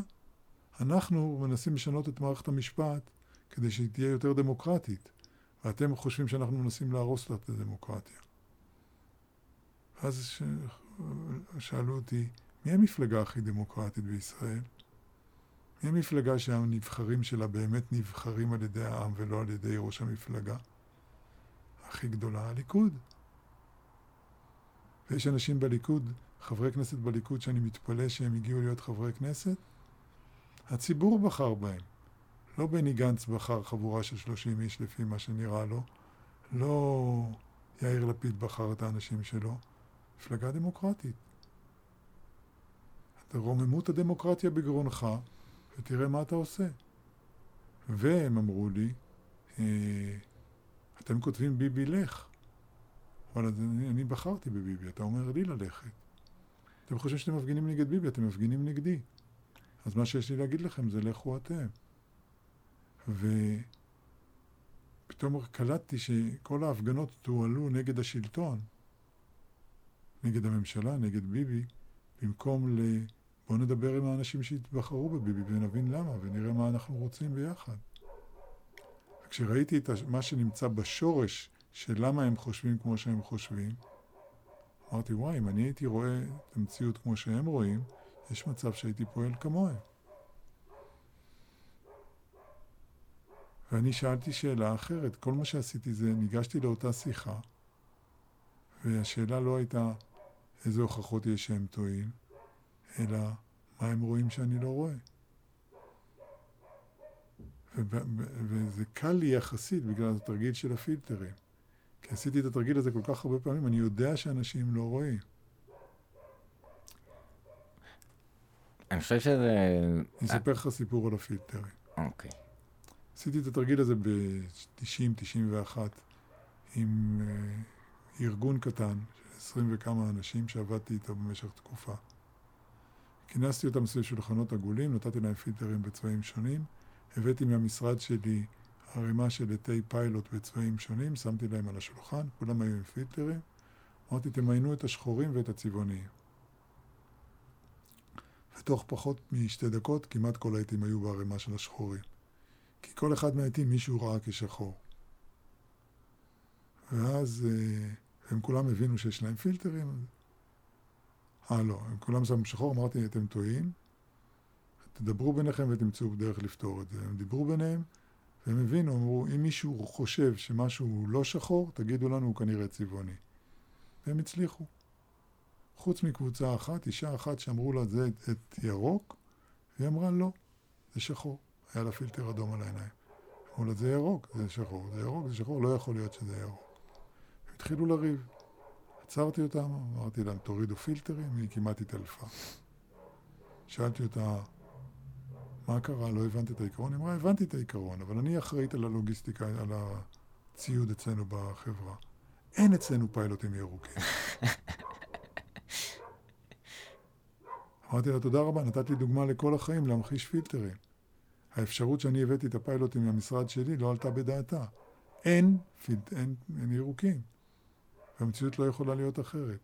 אז ההבנה שלי שאני לחוד בפילטר, בפילטר תמיד, בכל רגע, גם ברגע זה אני לחוד בפילטר. מאפשרת לי להגיד, אוקיי, בוא נבין מה מסתתר, מה, מה הוא רואה, כי יש משהו שאני לא רואה. מהמם. זה נתן לי כוח להקשיב. עכשיו, מכיוון שזה היה כל כך משמעותי, אני רוצה להרים, פרויקט של אנשים אה, כמו, חדר בריחה. בואו נראה איך אתה מצליח לברוח מהאקו צ'מבר שלי, ולהפגיש אנשים מכל מיני אקו צ'מבר, לא רק פוליטיים, פמיניסטים ושוביניסטים. אה, כל, כל, כל, אנחנו הרי לא שייכים לאקו צ'מבר אחד. ולהגיד, בוא תפגוש אנשים מה, מה, מהאקו צ'מבר האחר ודבר איתם.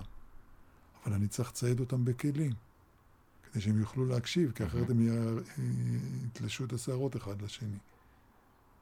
אז אני יושב עכשיו עם חבורה של אנשים שמתמחים בתקשורת מקרבת ובגישור, כדי להמציא פרוטוקול של שאלות. אני אתן לכם שאלות, ותעבדו עם השאלות האלה. תתחילו את השיחה ות- follow the questions ותקבלו משהו מעניין. אני מחפש את השאלות שיעשו את ההבדל. אנחנו ננסח כמה, ניצור פרוטוקול, ננסה אותו, נגלה ששאלה אחת או שתיים צריך להחליף, נחליף. נגלה שצריך להחליף את הכל, אני לא יודע מה. אני מחפש את השאלות שיאפשרו לאנשים לצאת מהפילטר של איך אני מראה לו שהוא טועה, לאיך אני לומד משהו מעניין. אני חושב שזה באמת המקום, שוב, של אני יודע מה שאני יודע, אז די כבר אה, לרצות לגרום לעוד אנשים שגם יחשבו, ויש לך את המקום להרוויח את נקודת מבטו של האחר, של, כמו שאמרת, מה הוא יודע שאני לא יודע, מה הוא רואה? מה שאני הוא לא- רואה שאני לא רואה. זה שונה. כן. אני שם לב שאני... יש הבדל בין מה כן. מה אני יודע למה אני רואה. כי זו תפיסת המציאות שלו. קח את או- כן ביבי, לא ביבי. רוב האנשים ששאלתי אותם אמרו, הוא ראש הממשלה הכי טוב שהיה לישראל אי פעם. הם רואים את המציאות כמציאות שהשתפרה פלאים בזמן כהונתו. אני לא. אני, אני, רואים את זה כי הם מסתכלים דרך פילטר מסוים, אני מסתכל דרך פילטר אחר. אני רואה את המציאות כמציאות שהידרדרה בזמן כהונתו. אבל אם הייתי רואה את המציאות כמו שהם רואים, אז גם אני יכול להיות שהייתי פועל כמוהם. ואם הם היו רואים את המציאות כמו שאני רואה, יכול להיות שהם היו פועלים אחרת. עכשיו בואו נדבר על המציאות ונשווה מציאות. בואו בוא נסכים על הקריטריונים שלפיהם אנחנו שופטים מי הוא ראש ממשלה טוב ומי הוא ראש ממשלה פחות טוב. זו סדרה של שאלות. מה מצב התל"ג, מה מצב הזה, מה- איזה שאלות מעניינות אותנו כדי שלפיהם נשפוט. בואו נסכים מה על מדד השאלה. העושר המצרפי בישראל? דוגמה, יכול להיות שיש שיגידו, כל זה לא מעניין, מה שמעניין זה מה מעמד ישראל בין העמים. או מה מצב הזהות היהודית של המדינה, או מה המצב הביטחוני שלנו. יש מלא שאלות שאפשר לענות עליהן. אם אנחנו לא מסכימים על השאלות שלפעמים אנחנו מחליטים אם ראש ממשלה הוא טוב או לא טוב, אנחנו לא משווים את אותם, אנחנו לא משווים אה, תפוחים לתפוחים. כן. אני חושב שיש עכשיו, בזה... מה, ש, מה שחשוב לי להדגיש, זה שברקע זה הכל שאלות. ואנחנו לא רוצים, כשאנחנו בעולם התשובות, לבזבז את הזמן על הקשקוש הזה של עוד שאלה. אני התחלתי לבדוק את השאלה, אתה עונה לשאלה הנכונה. למי יש כוח לזה?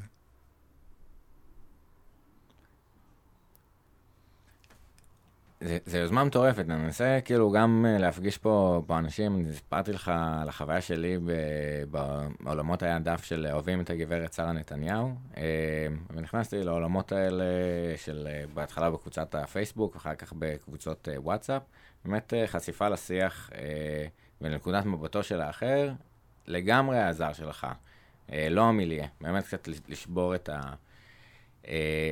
ויש מקומות, אני גם חושב שברמת השיח, אה. אוקיי, אני, אני לא יודע, אני אערוך את החלק בוא, הזה. בוא, בוא כן. נעזוב את החלק הפוליטי, נכון. כי זה לא, ירתיע אנשים. יאללה, בוא נערוך את החלק. הזה. אז, אז באמת אה, הת- התעסקות עם אז שאלות... דיברתי איתך על שאלות בתור שאלות ברקע. מהמם, ואתה התעסקת יותר בשאלות שאני קורא להן שאלות בחזית. השאלות שאני שואל בקול רם את עצמי ואחרים. שם גם כן שווה להחליף שאלות ולבחון אם אנחנו שואלים את השאלה הנכונה. אה, אחותי שהשתתפה בקורס של אמנות השאלות, מארחת את אמי בת ה-94 בביתה כבר כמה שנים. וזה מאתגר. והיא אמרה שהיא כל בוקר קמה, הולכת אליה לחדר, שואלת אותה מה שלומה. בדרך כלל אמא שלי אומרת על הפנים, לא טוב. רוצה שנזמין אמבולנס? את רוצה שנזמין רופא? היא אומרת לא, לא, לא. וכל בוקר זה הפך להיות אה, ריטואל. היא שואלת את אותן שאלות, אמא שלי עונה את אותן תשובות.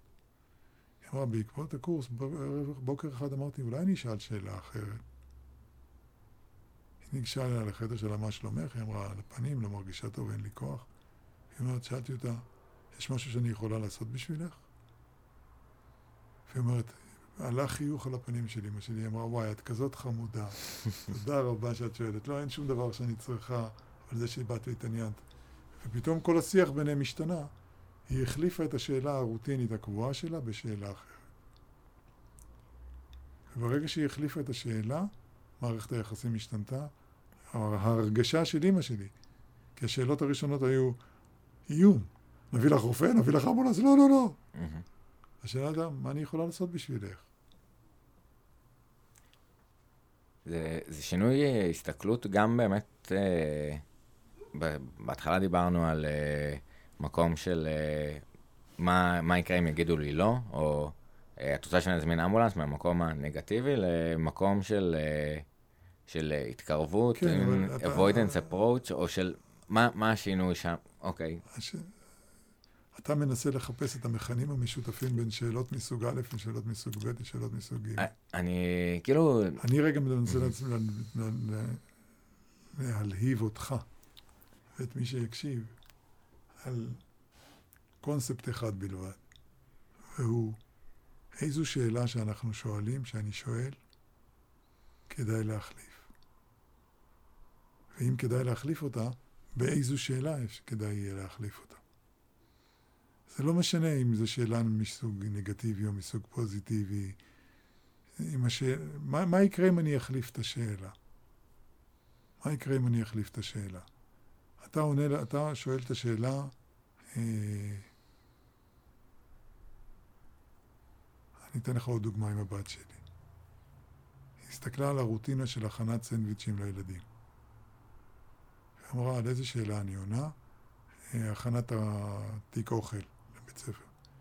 איך- איזה אוכל אני יכולה לה- להכין להם שיהיה מזין, שלא יהיה ג'אנק, ושהם ישמחו לאכול, שיהיה להם טעים. השאלה הזאת היא קמה כל בוקר וניגשת להכין את זה. אמרתי, איזה שאלה היית יכולה לשאול? והיא התחילה לחשוב, ואז באה לי שאלה. אמרתי, מה אני יכולה לעשות כדי שכשהם יפתחו את התיק הם יצחקו? שאלה. עכשיו, אם, אם היית רואה בכיתה שלך ילד שמתפוצץ מצחוק כל פעם שהוא נדיר. פותח את תיק האוכל, לא היית חושב שאימא שלו שואל, שאלה שאלה. היית חושב שאימא שלו מדליקה, מגניבה, מצחיקה. אבל מה, ש... מה שיהפוך את אושר למצחיקה בתור אימא, זה אם היא תש... תשאל את השאלה.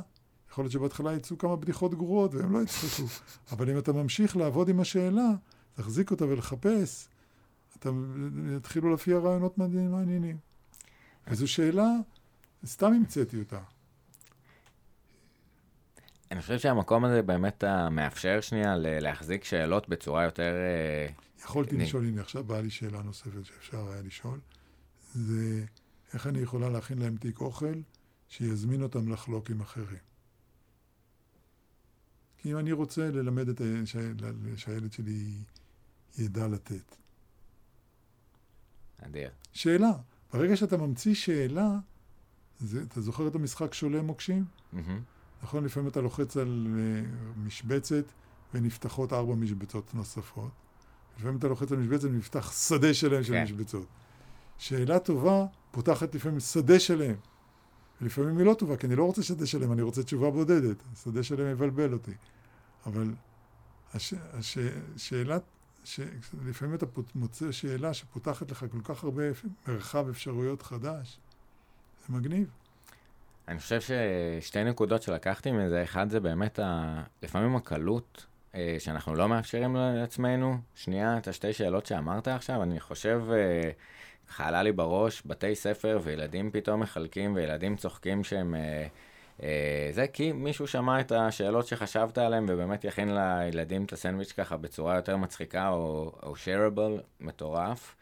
ו, וכמה שאנחנו לא משחקים במרחב הזה של מה אם, או איזה דברים, או להחליף באמת שאלות והקומבינציות של לראות מה נפתח ומה נסגר בין כל שאלה, עד שאתה מוצא את מה שמתאים לך לאותו רגע. אמ, ובשביל לעשות את זה, אתה חייב להסכים לעזוב לרגע את עולם התשובות ולעבור לעולם השאלות. בעולם התשובות אני מחפש תשובה טובה ומהירה, בעולם השאלות אני מחפש שאלה טובה ומעניינת. מה מקל על המעבר הזה לאנשים? כי זה מעבר שהוא לא אינטואיטיבי. אה, בניסיון שלך, בעבודה עם... אמרתי מה הדבר ש... שאתה צריך לעשות. בעולם התשובות אני שואל שאלות שמחפשות תשובה. בעולם השאלות אני שואל שאלות שמחפשות שאלה. תתחיל לשאול שאלות על השאלות, אתה עברת לעולם השאלות. כשאני שואל אותך, על איזו שאלה אתה מנסה לענות ברגע זה בשיחה איתי, אני לוקח אותך לעולם השאלות. אם אתה לא אומר, אתה אל תחפור לי עכשיו, אז אתה, אתה, אתה מסכים לעבור לעולם השאלות. אני מתחיל לפעמים תהליכים אסטרטגיים ולהגיד להנהלה על איזה שאלות אתם רוצים לענות בתהליך הזה. עושים רשימה של כל השאלות שהם מעלים, אני אומר, אוקיי, אפשר לארגן אותם במשפחות, יש פה שאלות שחוזרות על עצמם, יש שאלות שאפשר לתת להן כותרת של שאלה, שאלת על, מה הסדר הנכון של השאלות, על איזה שאלות כדאי שנענה קודם, כי הם יקלו עלינו לענות על השאלות הבאות. אני עושה את כל התרגיל הזה, ואנשים שחיים בעולם התשובות כמנהלים, וחלק מהם מאבדים את הסבלנות, אומרים, מתי נתחיל כבר את הסדנה? ואחרי שעתיים יש לנו רצף של שאלות שאתה פשוט צריך לענות עליהן, ואתה גמרת את הסדנה. זה שאלות שלהם. אה, אני אתן לך עוד דוגמה לעבודה עם שאלות שהיא טובה, כלי פרקטי.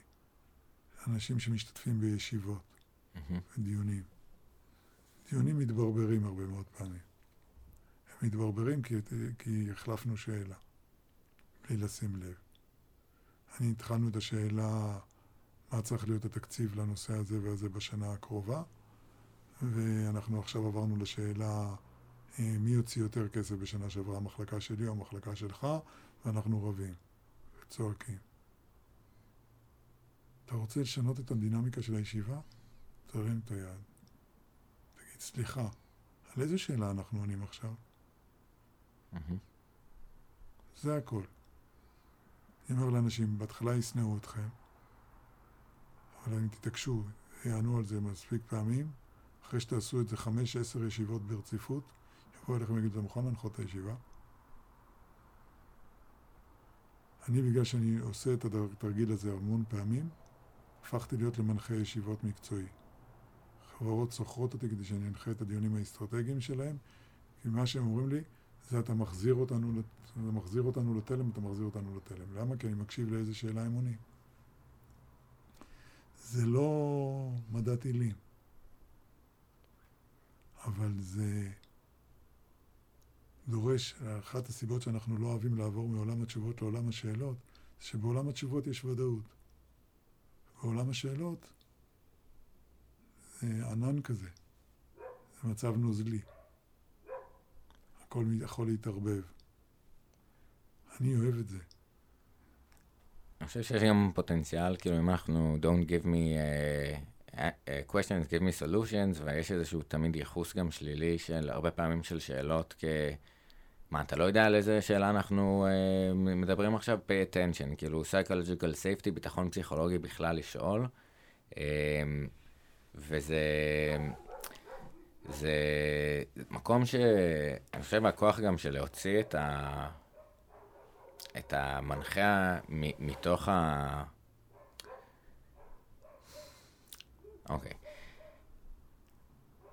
המקום הזה של להשפיע בסשן אחד עם uh, ניהול ישיבה אסטרטגית של uh, חברה ו- ומנכ"לים, מה, מה המפתחות של ההצלחה של דבר כזה? מה מאפשר אחר כך הצלחה? איך זה נראה הצלחה בהמשך של דבר כזה בארגון?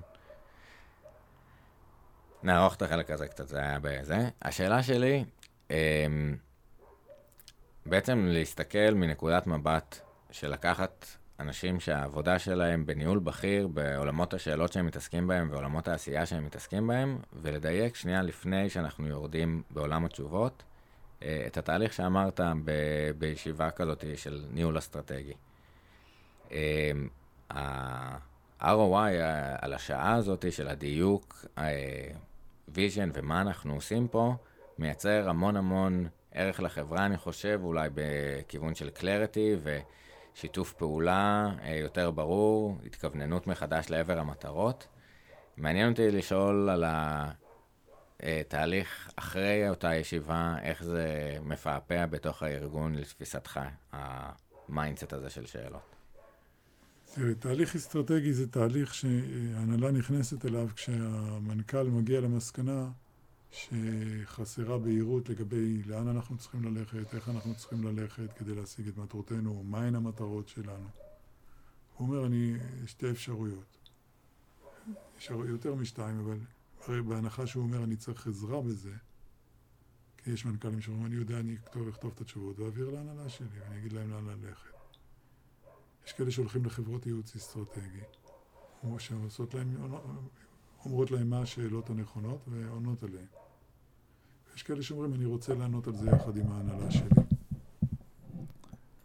ואז עושים את זה לבד או מזמינים מנחה, ואני אחד המנחים שלפעמים מזמינים. אה, מה שאני עושה, זה מארגן את השאלות, ואז דואג שהם יענו עליהן. וכשהם מתחילים לענות עליהם ונתקעים, אני מסתכל ומנסה להבין על איזה שאלה הוא עונה ועל איזה שאלה הוא עונה כשהם כרגע ברבים. לחפש את המכנה המשותף שהם יסכימו עליו, אומר, רגע, אז השאלה, ברקע של השאלות שלכם, מה שמעניין אתכם זה זה. יש ביניכם אי הסכמה? עשרות פעמים יצא לי לומר לאנשים, נראה לי שאתם מתווכחים כשאתם בעצם בהסכמה מלאה. כולם מסביב אומרים, זה נכון, אבל למה אתה לוקח לנו את הכאב? אה,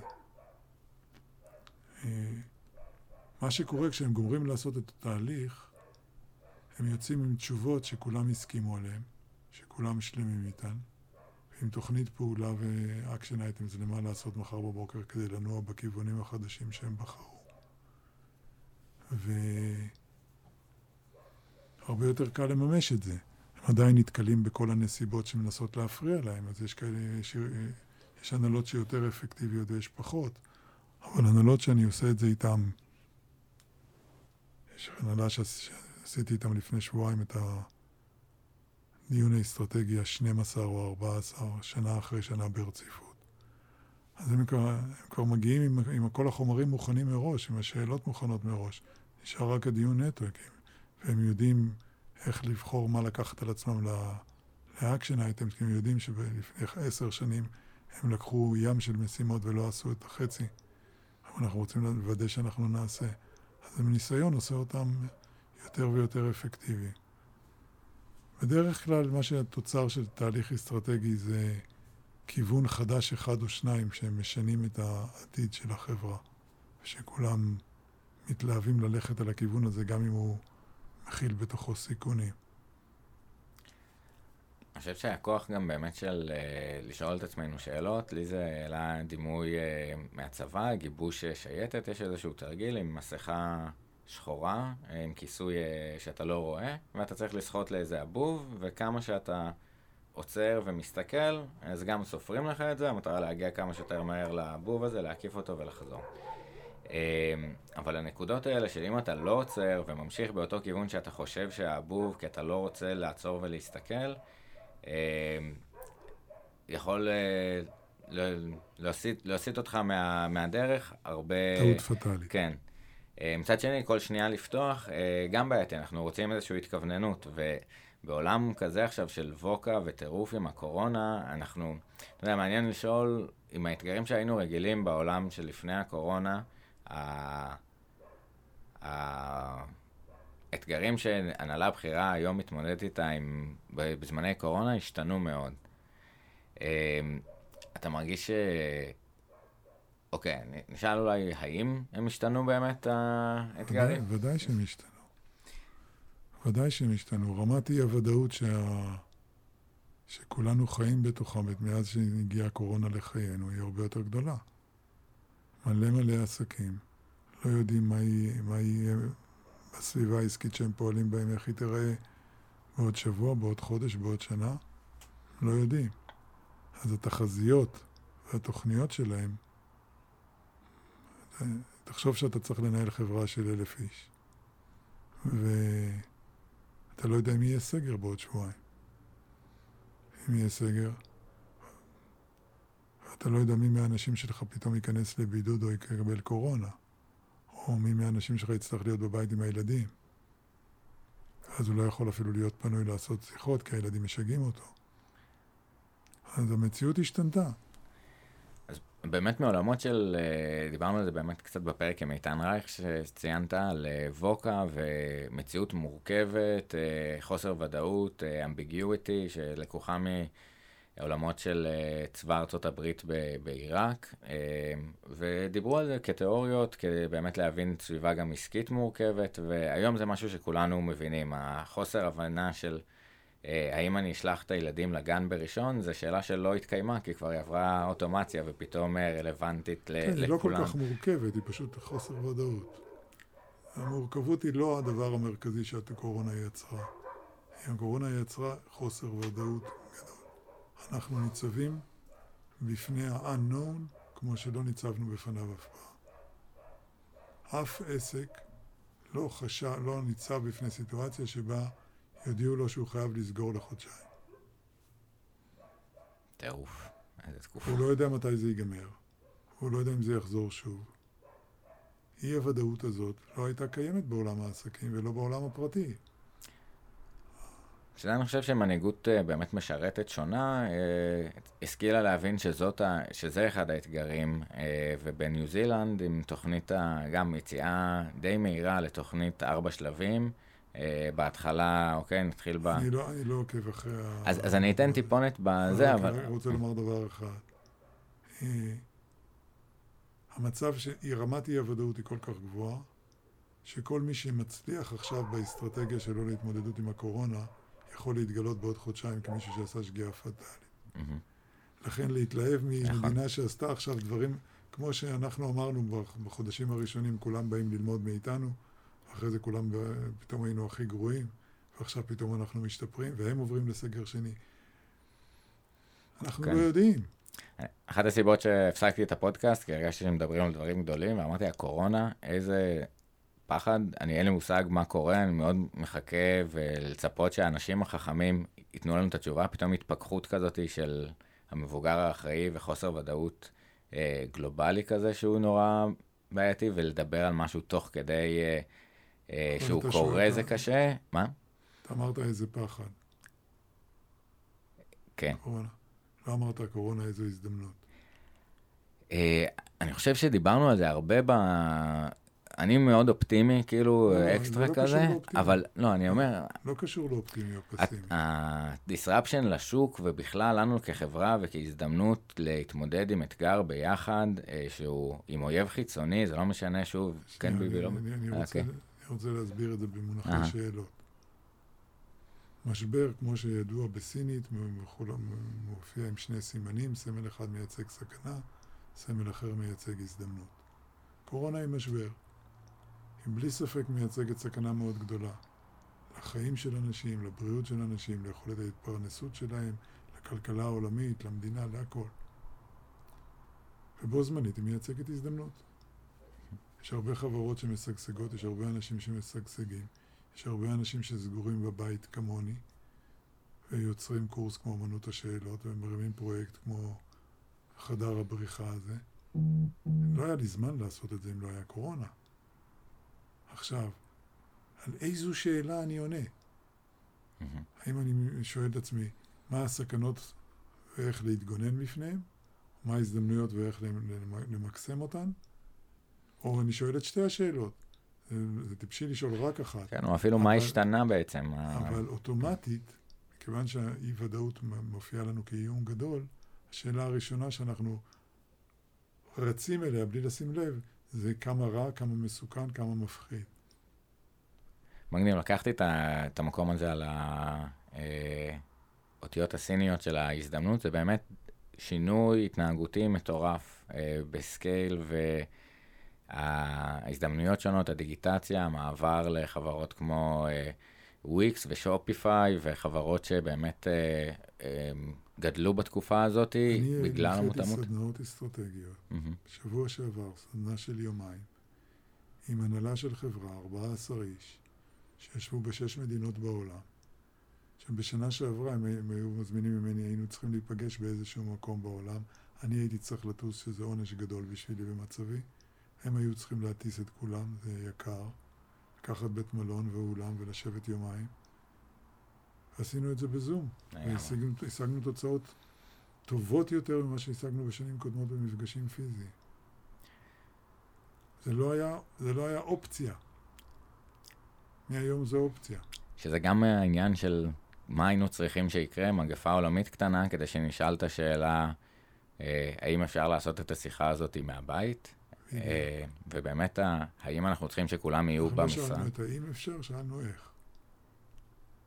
אה, או, כשאתה, כשאתה שואל האם, מהמם. אחד הדברים שגיליתי, אה, שבמקרים רבים שאלות שזה האם, מאפשר את האופציה שלו גם.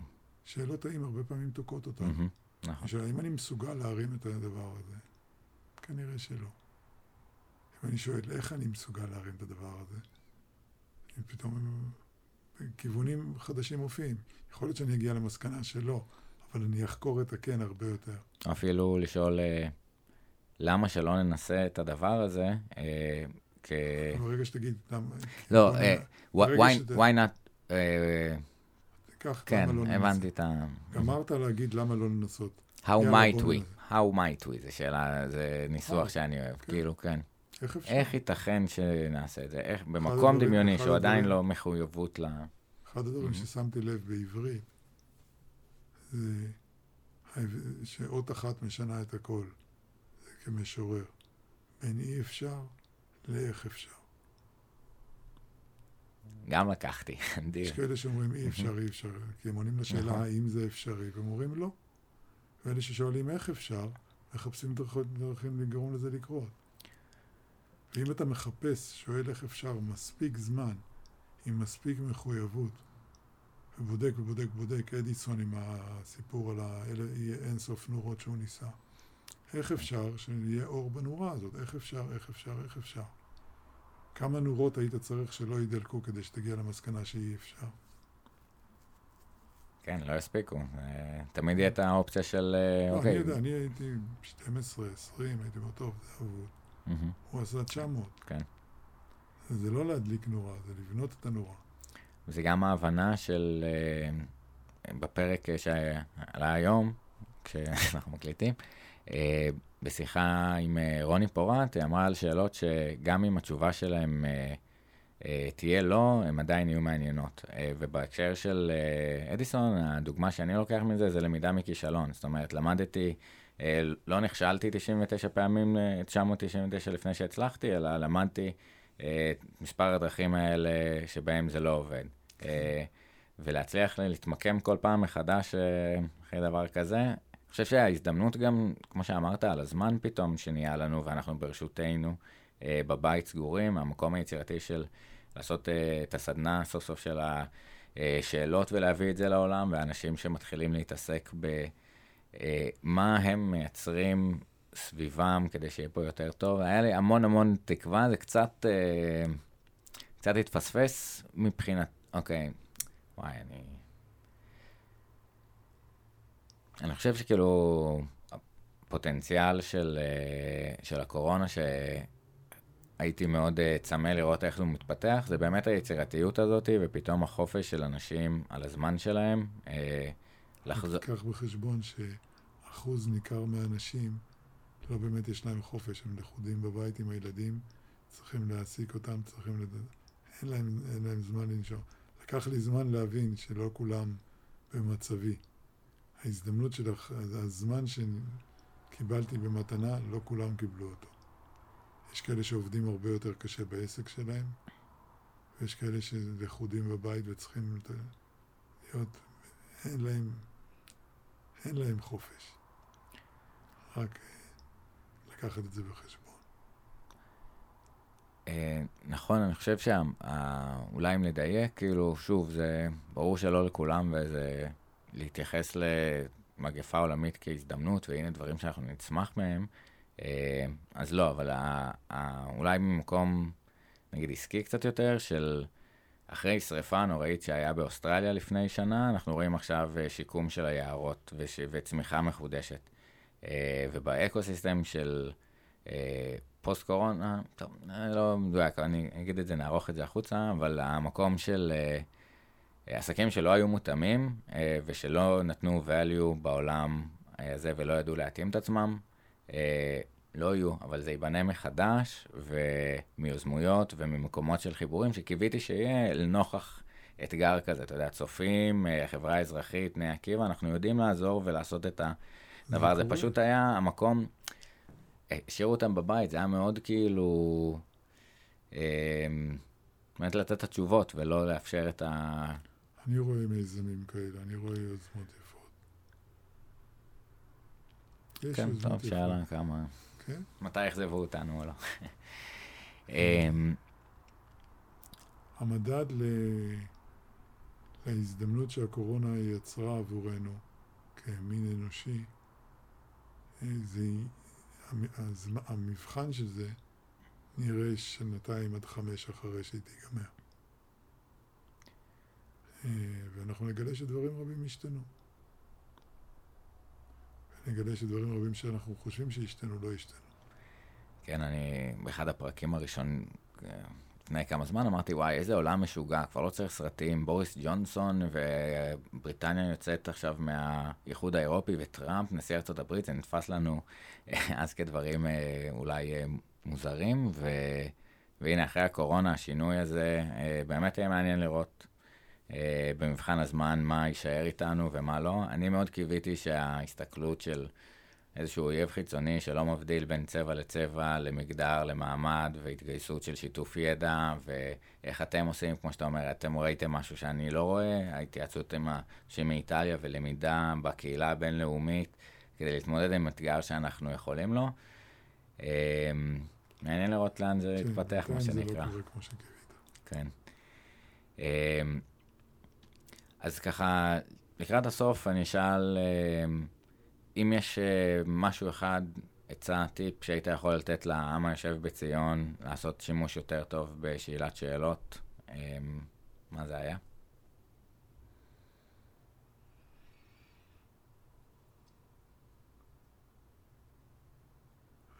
אנשים שהתחברו לרעיון שיש שאלות שמפעילות אותנו ומכוונות את ההקשבה שלנו ברקע, תשאלו את עצמכם איזו שאלה מפעילה אתכם ברקע, במיוחד בסיטואציות שאתם לא מבסוטים מאיך שאתם מתמודדים איתן, תחפשו שאלה שת... ת- מה, מה יקרה אם תשאלו שאלה אחרת? איזו שאלה אחרת אתם יכולים לשאול? אה, כמו אם אתם שואלים מה, מה מפח... אם אתם עסוקים בדאגה מקורונה, אז אתם עונים לשאלה מה הדברים הנוראים שעלולים לקרות. מה יקרה אם תשאלו את השאלה מה הדברים הטובים שקורונה הביאה ומה הדברים הטובים שעשויים לקרות, או מה הדברים הטובים שאני יכול לעשות עם, עם הקורונה. או במקום לדאוג ממה הקורונה תעשה לי, לשאול את השאלה איך אני יכול לעזור לאנשים אחרים בקורונה. מי צריך את עזרתי, מי ייהנה מעזרתי. אה, אני פתחתי שעות ייעוץ חינם למי שרוצה שמרגיש צורך. נתתי שיחות ייעוץ חינם. אה, ואני עדיין עושה את זה. אה, מי שלא מסובך מדי כל העניין הזה של השאלה שמפעילה אותי, תסתכלו על השאלות שאתם שואלים אנשים. כמו אתם פוגשים אנשים, מה השאלה שאתם שואלים? מה נשמע? אתם מחכים לתשובה, זה מעניין אתכם או אתם סתם שואלים? תשאלו, למשל, תשאלו את השאלה ותתעקשו לקבל תשובה. מה נשמע אצלך? לא, אבל באמת מה נשמע? ותראו מה יקרה. או תחליפו את השאלה, במקום לשאול מה נשמע, תשאלו איך הקורונה משפיעה עליך, או איך, איך אתה מתמודד עם המצב. תחפשו שאלות, תנסו לשאול שאלות אחרות מהשאלות שאתם שואלים באופן קבוע, ותראו איך המציאות משתנה. יהיו שאלות שלא ישנו כלום, ויהיו שאלות שיעשו שינוי דרמטי. אני ממש לקחתי, אני חושב שהמקום ש... עוד מילה אחת. אהה. במיוחד אם, אם שומעים את, את השידור הזה, את השיחה הזאת, אנשים שנמצאים עם ילדים בבית. אז אני, אני, אתן כמה, אני אתן שאלה טובה, להתחיל איתה את היום.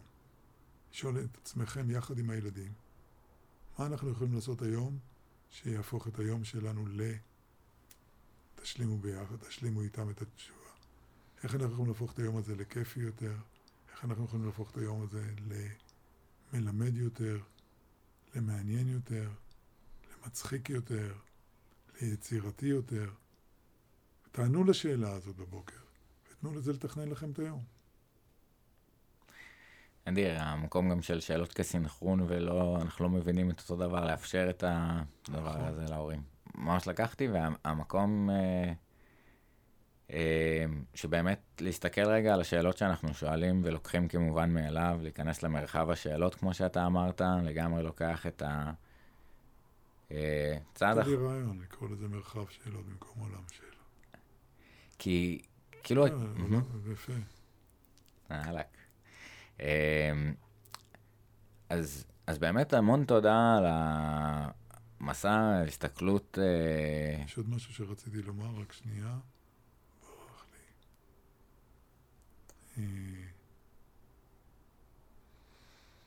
כן. יש סוג אחד של שאלות שעבדתי עליו במשך תקופה וכתבתי טור בדה מרקר שנקרא לחשוב קריירה. ובטור הזה כתבתי קרוב ל-50 מאמרים, שכל מאמר מציג אספקט מסוים של חשיבת קריירה או עיצוב קריירה או ניהול קריירה, וכל מאמר מס- מסתכם בכמה שאלות טובות שכדאי לעבוד איתן. יש אתר, אתר שבו מרוכזים כל המאמרים, אפשר גם למצוא אותם באתר של דה מרקר. נשים בלינק, אחלה, כן. אז אה, אז באמת, כאילו, איפה... כל מה שרציתי לומר. זה שאנשים שהקריירה חשובה להם, אני ממליץ להם להסתכל באתר הזה, ובמיוחד יש שם גם כמה מאמרים שעוסקים בקריירה בתקופות מיתון או משבר. מעולה, אז נשים את, ה... נשים את הלינקים של לאנשים, ובכלל לאתר שלכם, לחומרים, ליצור איתך קשר אה, לפרויקט אה, המופלא של לדבר אחד עם השני ולמצוא שאלות של לנו להבין איפה האחר רואה את העולם ואיך אנחנו יכולים אה, להכיל אחד את השני יותר. אה, המון תודה על המסע הזה אה, ו- ועל התובנות שאספת בדרך ועל השיתוף פה. אה, אהבת לי את הסכך, נהניתי מאוד, ותודה רבה. כן. בבקשה, תודה רבה לך, תודה שאתה עושה את זה, זה, זה נחוץ. נראה לי מגניב, וכן, אנשים אה, זה, אז באמת אה, תיכנסו, למוזמנים לקבוצה של אה, אה, פודקאסט עם אסף פאול כהן, אה, לא, לא, פודקאסט שאלה טובה עם אסף פאול כהן אה, בפייסבוק, מוזמנים אה, לכתוב שאלות, לדבר על הפרקים, אה, להציע שאלות למרואיינים הבאים. אה, ותודה, נתראה בפרק הבא, חבר'ה. ביי ביי.